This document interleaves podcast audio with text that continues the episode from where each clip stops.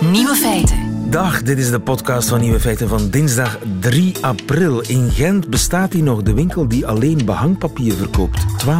12.000 soorten. Tom Lanois is gestopt met douchen. De protestsong is helemaal terug van weg geweest. En Olst Analytica raadt uw naam na drie simpele vragen. Dat zijn de nieuwe feiten vandaag. En wat Nico Dijkshoorn frappeert, dat hoort u straks in het middagjournaal. Veel plezier. Nieuwe feiten. Zou Tom Lanois zich eigenlijk nog wassen? Ik vraag het mij af omdat ik hoor en lees dat ze daar zonder water zitten. Dag Tom. Ja, dag lieven. Eh, Maar heb ik ben jij al terug in? Antwerpen. Ah, je bent al terug in Antwerpen. Oké. Ja, maar ik... eh, ik Dus mijn zorgen zijn voorbarig. Nee, want ik was mij helemaal niet meer gewoon. Ik heb het opgegeven. Eh, je neemt wel een deel van de gewoontes mee. Dat is een van de dingen. Dus ik woon daar voor alle duidelijkheid drie maanden per jaar. Van boekenbeurs in Antwerpen tot boekenweek in Nederland. Overwinteren we daar. Maar wat je wel meeneemt, is het besef van hoe, eh, ja, hoe kostbaar water is. En ik zie dat wij ook nu hier veel minder water verspillen omdat dat toch wel, ja, dat, zijn heel onnadenkend daarover. Daar ben ik nu toch iets meer van doordrongen. Maar kon je daar gewoon douchen? Wel, ik heb drie maanden niet gedoucht, omdat wij natuurlijk als eh, pedante eh, assholes, we hebben een klein plonsbadje hebben. En ehm, dat mag je eigenlijk ook al niet meer vullen, maar wat nu eh, de nieuwe sport is, is eh, nog betaalbaar water zoeken, samen met de buren. Dus de saamhorigheid leidt er niet onder. En dan kan je dus uit het verre Stellenbosch of uit KwaZulu-Natal water laten aandrukken en dan douche je ook niet meer. Dus ik ging elke dag even in, wat ik toch sowieso doe, in, in dat plonsbadje liggen. Maar dus eh, voor de rest, ja, je, je doucht nog heel weinig. Als je dat doet, is het met een aantal emmers rondje, zodanig dat het water wat je opvangt, eh, ja, nog in de, in, in de toiletten kan eh, gebruikt worden. Hetzelfde ook in eh, de gym, hè, de sportschool waar ik naartoe ga. Daar, eh, de, de sauna werkt niet meer, de, spo- de, de- het stoombad werkt niet meer. Het zwembad is maar voor de helft gevuld. Ik heb bejaarden zien over en weer wandelen om door het water. Maar dus en dat water wordt ook daar eh, dan bijeen gecollecteerd om de wc's eh, niet te moeten eh, gebruiken. Want mensen gaan dan naar allerlei openbare plekken waar toiletten nog werken om thuis water te sparen. Dus dat Want is je zei ook de nieuwste be- sport. betaalbaar water, dus dat betekent Ja. dat er een soort water, ja, Ja. goudkoorts... Dat is, de nieuw, ja, dat is het nieuwe vloeibare goud, is water. Ja. En dus dat wordt eh, duur verkocht. Eh, dat wordt steeds duurder. Dan zie je de marktmechanismen in werking natuurlijk. En, Maar ga je eh, dan in de supermarkt een bidon van 10 liter kopen of zo? Oh, tuurlijk. 10 Ah, ja. liter, eh 15 liter, 20 liter. eh, En dat eh, kost, hoeveel kost ook- dat dan ongeveer? Nou, dat valt nog mee eigenlijk, omdat alles bij elkaar, het is natuurlijk een groot land en het is gecon- geconcentreerd rond de provincie, eh, de Westkap, en vooral rond, rond Kaapstad, met zijn miljoenen inwoners. Maar dus, eh, nee, er was dan eh, heel veel aanvoer en rond kerst en nieuw vond je niet één van die grote containers, dat is dan, dat is dan 15 liter en zo. Hè. Dus dat, dat, dat, dat vond je niet meer. Nee, iedereen had het opgekoopt. Maar, Mensen eh, hamsteren ook, hè. En uit de kraan komt er geen water meer. Er komt nog water, maar dat is nu de laatste, enfin, de, de, de laatste 20% van de grote dammen waar ze water collecteren. En dat eh, wordt afgeraden eh, om het zomaar te drinken. Het wordt ook hoe langer hoe bruiner, zeg maar, een beetje zo. Hè. Ja. Dus ehm, de, de- je kan het wel nog doen, het is zonder gevaar. Maar eh, er is ook veel paniek, georgani- georganiseerde paniek gezaaid.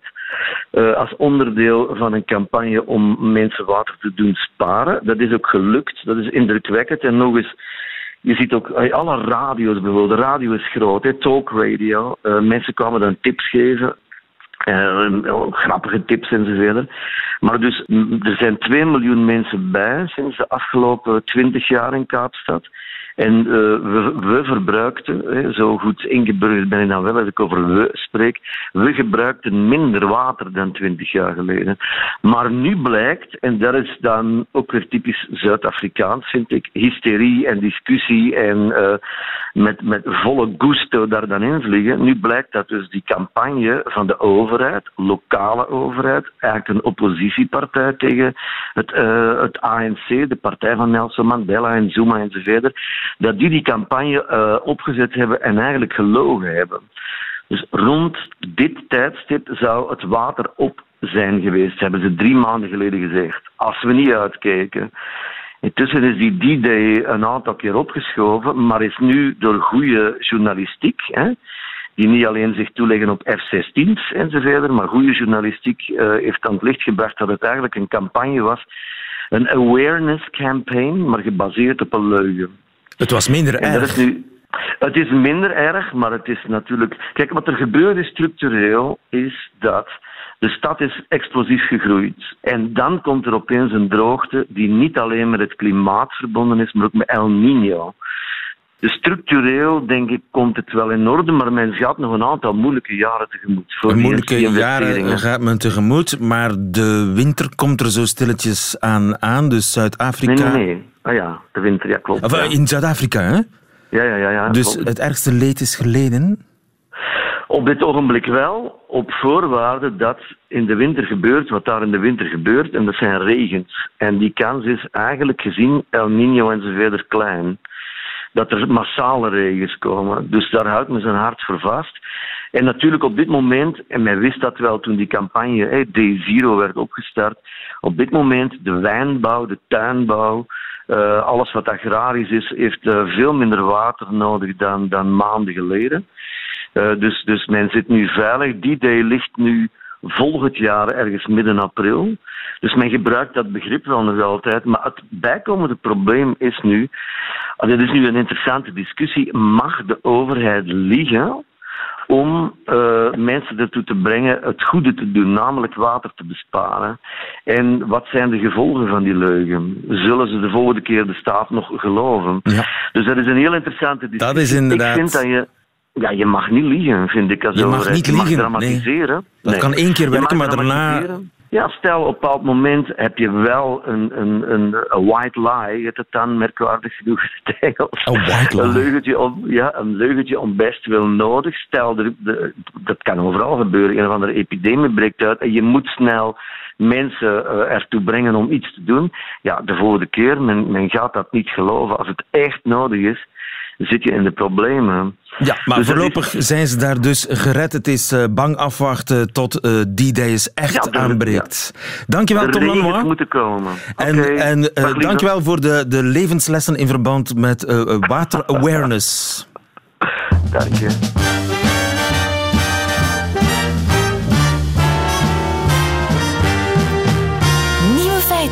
Ben er dus uh, wel degelijk ingetrapt. U misschien ook, samen met 200.000 anderen wereldwijd in Olst Analytica, die aan de hand van een paar banale vragen mijn naam zou kunnen raden uit 7 miljard mogelijkheden. Ik heb geklikt en gespeeld. Hij wil weten welke kleur mijn onderbroek heeft, in de veronderstelling dat ik er één draag. Dus ik ga hem te kijken, want ik pak nogal onbewust uit een doos. Het is gewoon zwart vandaag, Inti. Do you own any pets? Nee. Woon ik dicht bij Castle Low? Zeg, nee. Ben ik al in New York geweest? Ja. Vijf vragen. When was the last time you cried? Oeh. Minder dan een week geleden? Langer dan een jaar geleden? Uh, minder dan een jaar geleden. De laatste keer. Oh, hij gaat al na zes vragen. Hij denkt dat ik Nicholas Green ben. Wat is dat voor flauwekul? Nee hoor.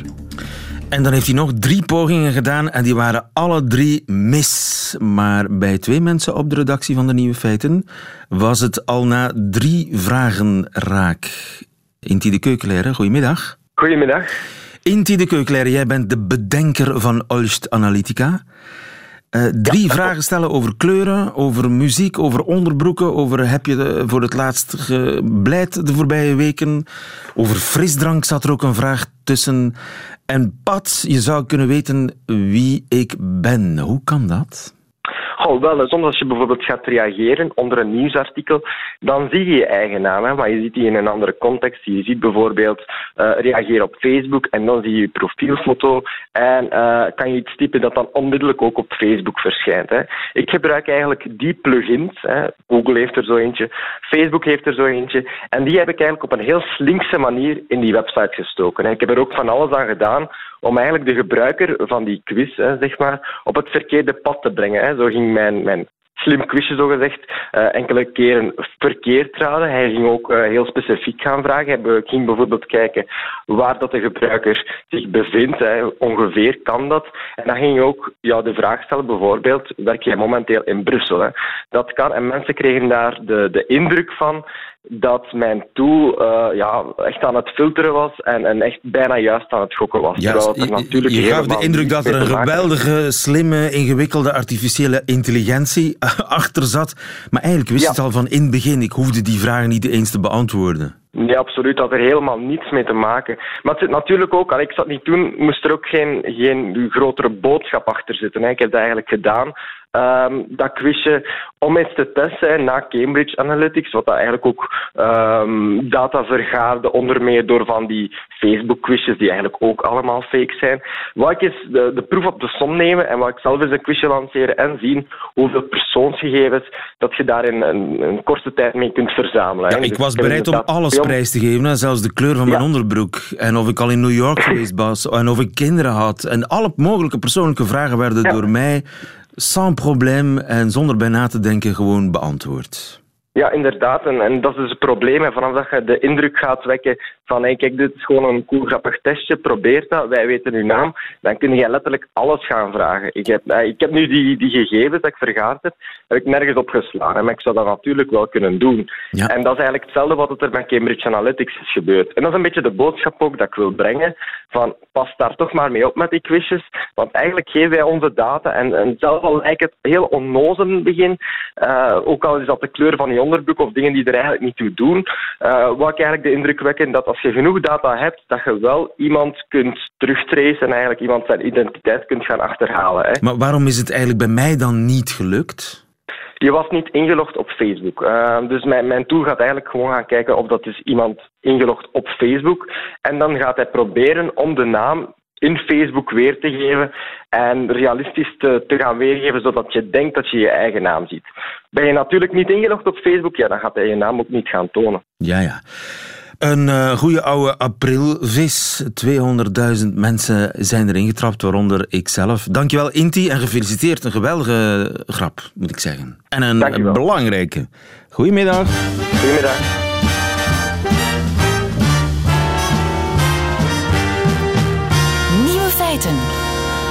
Ja, dat we dat nog mogen meemaken. Een festival met alleen maar protestsongs. En ik die dacht dat we voorgoed van die vermalendijde protestsong verlost waren. Kurt Overberg, goedemiddag. Bijzonder goedemiddag. Uh, Kurt, jij bent uh, artistiek directeur van de AB in Brussel, waar morgen dat uh, protestsongfestival gaat beginnen. Is de protestsong terug van weg geweest? Ja, even voor alle duidelijkheid. Ja, we, we starten effectief The Sound of Protest, een hele reeks naar aanleiding van de 50ste verjaardag van mei 68. Weet u nog wel, uh, zoveel jaar geleden. De studentenrevoltes die starten in Parijs en die uitdeinden over heel Europa. Uh, maar morgen starten we het Broadcast Festival en daar is protest een onderdeel van. En ja, de protestsong is helemaal terug. Maar godzijdank niet zoals uh, zoveel jaar geleden dat het echt wel Fuck Society was. Het is veel meer gelaagd en ja, vertrekt vanuit een heel puur gevoel van, ja, vanuit de gemeenschappen die pakweg uh, een Donald Trump uh, tijdlang heeft aangepakt, zoals vrouwen, zoals uh, ja, islamlanden, et cetera. Dus het is veel meer gelaagd. Zeg Laten we er een paar voorbeelden bij slepen. Dit bijvoorbeeld is First Aid Kids.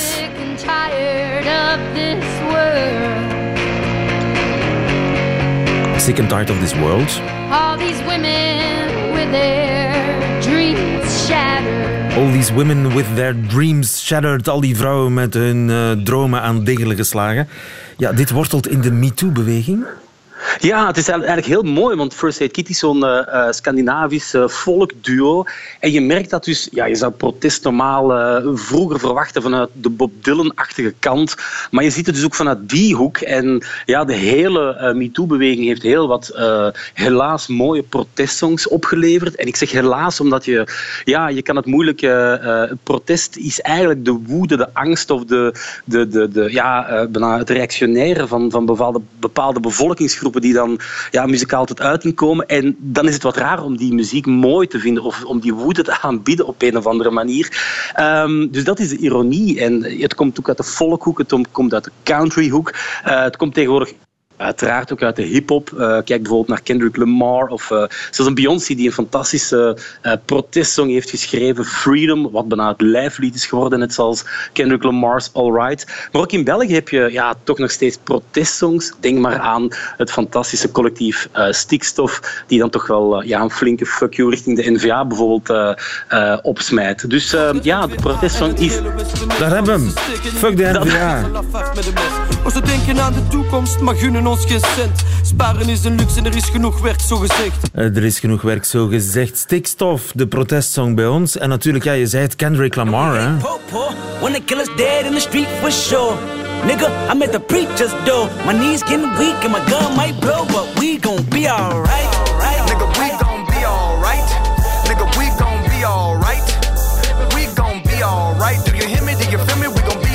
Ja, dus over alle genres heen. Hè. Pop, uh, hip-hop, rock, folk, uh, nieuw engagement in de muziek. Waar ja, komt dat plots vandaan, denk je? Wel, ik denk dat je, je moet maar even rondom je kijken de afgelopen jaren. En dan heb je ja, de Brexit die eraan komt. Dan heb je uh, Amerikaanse presidenten, als je hem zo mag noemen, die dan een hele Mexicaanse muur willen bouwen. Ja, heel, heel onze maatschappij verrechts. je ziet dat wereldwijd. je hebt bijvoorbeeld in, wat er in Turkije met Erdogan aan het gebeuren is. Ja, en dan komt er natuurlijk een tegenbeweging tegen. En ja, je kan op de straat gaan protesteren, maar je kan natuurlijk ook ja, op een hele mooie manier artistiek uh, ja, je onvrede uiten en dan ja, hopen dat je stem zo gehoord wordt. Dus ik denk dat dat... Ja, kijk er zijn maar om problemen genoeg om tegen te protesteren. Toch heeft de ja, protestsong op zich een slechte naam. Hoe komt dat? Ja, omdat ja, je hebt natuurlijk, alles wordt nogal vaak eendimensioneel geprojecteerd. Nogmaals, ik zei daar straks fuck society, uh, maar dat is heden ten dagen niet zo meer. Ja, Vroeger was het een excuus om slechte muziek te maken, hè? Ja, en het kwam ook vaak vanuit één hoek. Eh, de singer-songwriters vaak. Uh, maar zelfs een Billie Holiday deed het al in 1939 met Strange Fruit. Misschien wel de mooiste, ook daar weer ironisch genoeg, mooiste beklijvende protestsong ook. Um, en ja, dat, dat, weet je, met een protestsong kan je vaak ook weinig anders gelovigen overtuigen. je kan wel roepen, of stikstof kan roepen, fuck de NVA, maar ik denk dat een, ja, een NVA-stemmer daardoor niet plots op de PVDA gaat stemmen, bijvoorbeeld. Dus, ja, dat is, dat is het probleem met protestsongs. Hè. Ze helpen meestal niet. Wel, het, ze helpen wel op die manier dat het uh, uh, um, toch wel de gelijkgestemden uh, op een of andere manier toch wel achter een bepaald standpunt schaart. Want de, de man of de vrouw in de straat, die, ja, die hebben natuurlijk ook nood aan iconen of voorbeelden. Mensen die dan, dan wel die kracht hebben om dat ja, naar de buitenwereld te roepen. Moest Coelinium ja, protestsong op... dat muziek de wereld kan redden, Kurt. Oh, je moet daar toch altijd van uitgaan. Dat is dan ook mijn job alle dagen. Dus uh, als je ziet hoe gelukkig de mensen hier altijd buiten wandelen. Uh, nee, maar je moet daar de muziek redden. Weet je, uh, iedereen heeft nood aan, aan, aan om zich ergens aan te, aan te spiegelen of om zich ergens aan te verliezen. En in donkere tijd als deze is het wel mooi dat ja, muzikanten ja, onvrede toch wel heel mooi kunnen omvormen. Ook daar weer ironisch. Ja, tot iets aanvaardbaars. En, en daarom vind ik het goed dat de protestsong zich over heel veel verschillende communities verspreid de jongste jaren. En vandaar dat we bijvoorbeeld ook twee dagen rond Turkse protestsongs doen. En ironisch genoeg is dat dus heel populair eigenlijk, want onze avond, morgenavond rond Turkse protestsongs is al uitverkocht.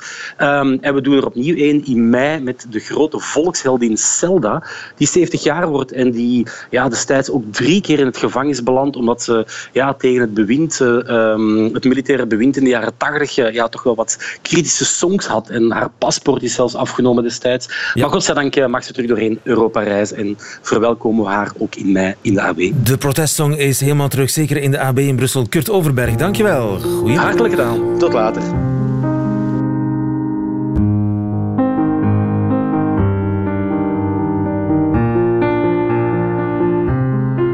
Een winkel waar ze alleen behangpapier verkopen. Kunt u er één opnoemen?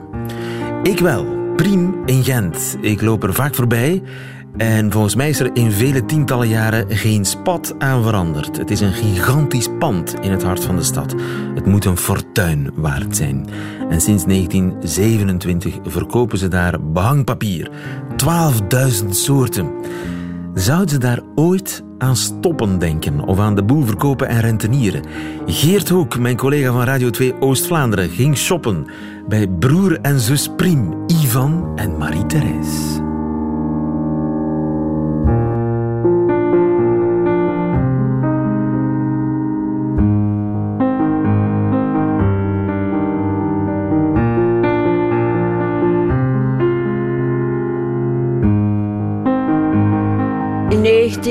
1927. Kijk, zie je dat? Ons ma en ons pa. En zij hebben dus de winkel hier uh, opgericht. Door, door mijn grootvader. Die heeft dat voor mijn pa geregeld. En Ivan, hoe lang sta jij al in de winkel? Nu van Van der Moog te negen. Hoe gaat het? Ivan? Nee, nee, nee, nee, nee. Kijk, ik heb lager onderwijs gedaan, middelbaar onderwijs. En toen naar Sint-Lucas geweest. Ik heb vijf jaar Sint-Lucas gedaan. Daar heb ik mijn diploma van architect gehaald. Maar doordat dat interessanter was, dat veranderde altijd, was dat bij mij boeiender. Ik doe dat voort. Ik heb wel een zwaar pensioen.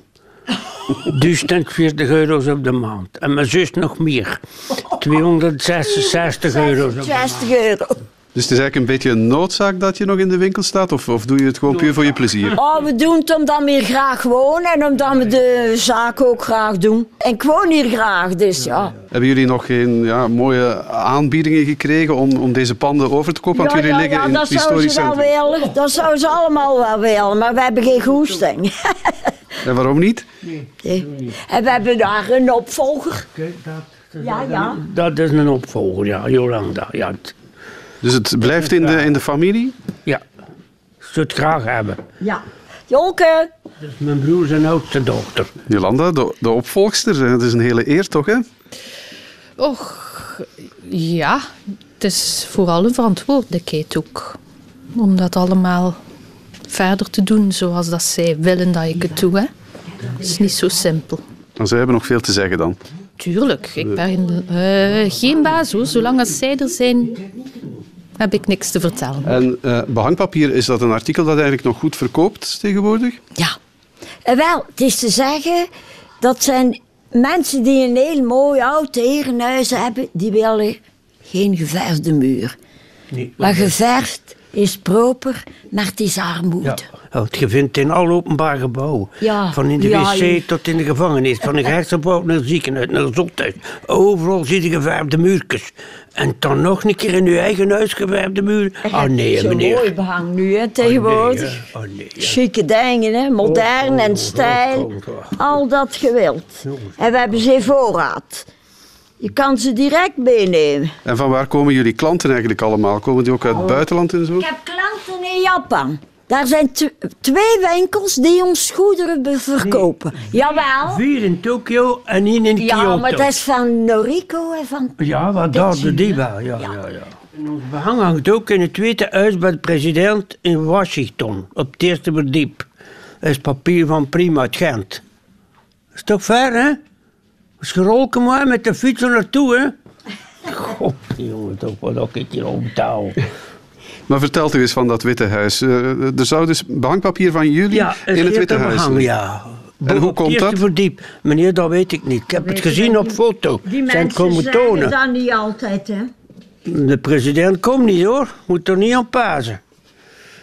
Maar het is daar behangen, ik heb het gezien.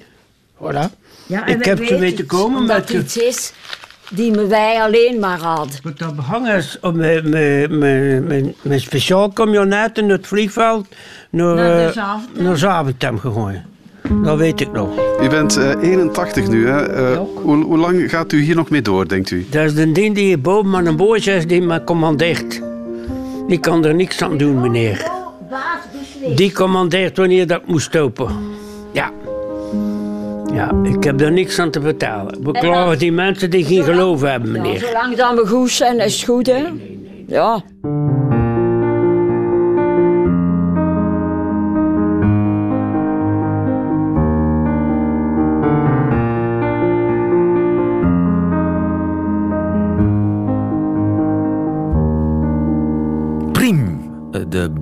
Behangpapierwinkel in Gent. U moet er maar eens langslopen als u behangpapier nodig heeft of als u eventueel denkt om een fijn gesprek te voeren met de zus Marie-Therese en de broer Ivan Priem. Een reportage van Geert Hoek van Radio 2 Oost-Vlaanderen.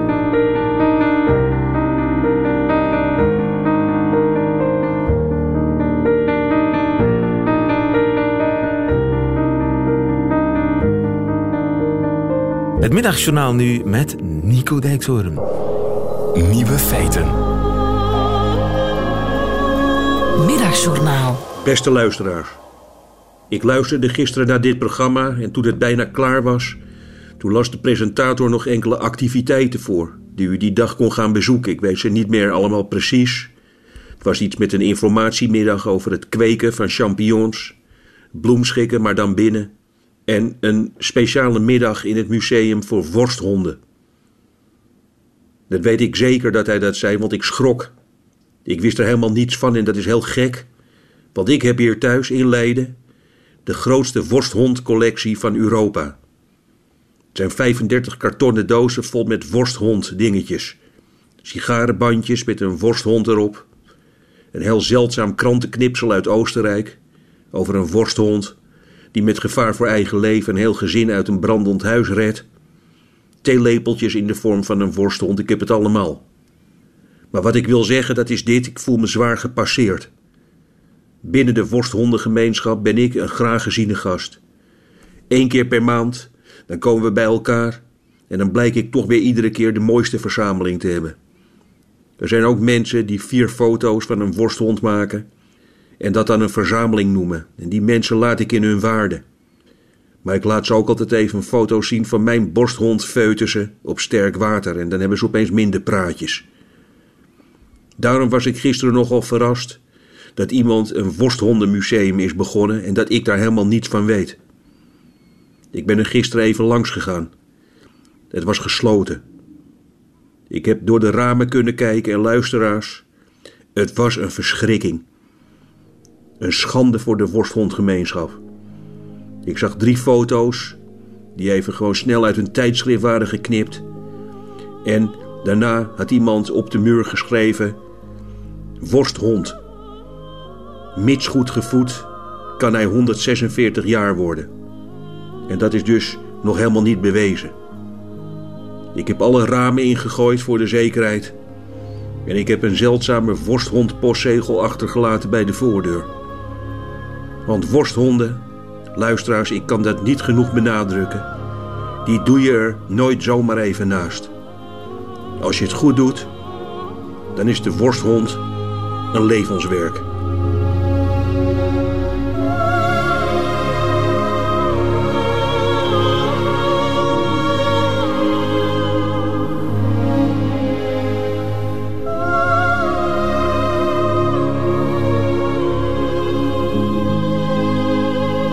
Nico Dijkshoorn in het Middagjournaal. En overigens, dat Worsthondmuseum, dat bestaat echt. Het is niet in Leiden of ergens anders in de buurt van Nico Dijkshoorn. Nee, het Worsthondmuseum is pas opengegaan. Ergens in de buurt van München, tussen München en de Oostenrijkse grens. Meteen het einde van deze podcast. U vindt er nog veel meer op radio1.be en op de gebruikelijke podcastkanalen. Tot nog eens.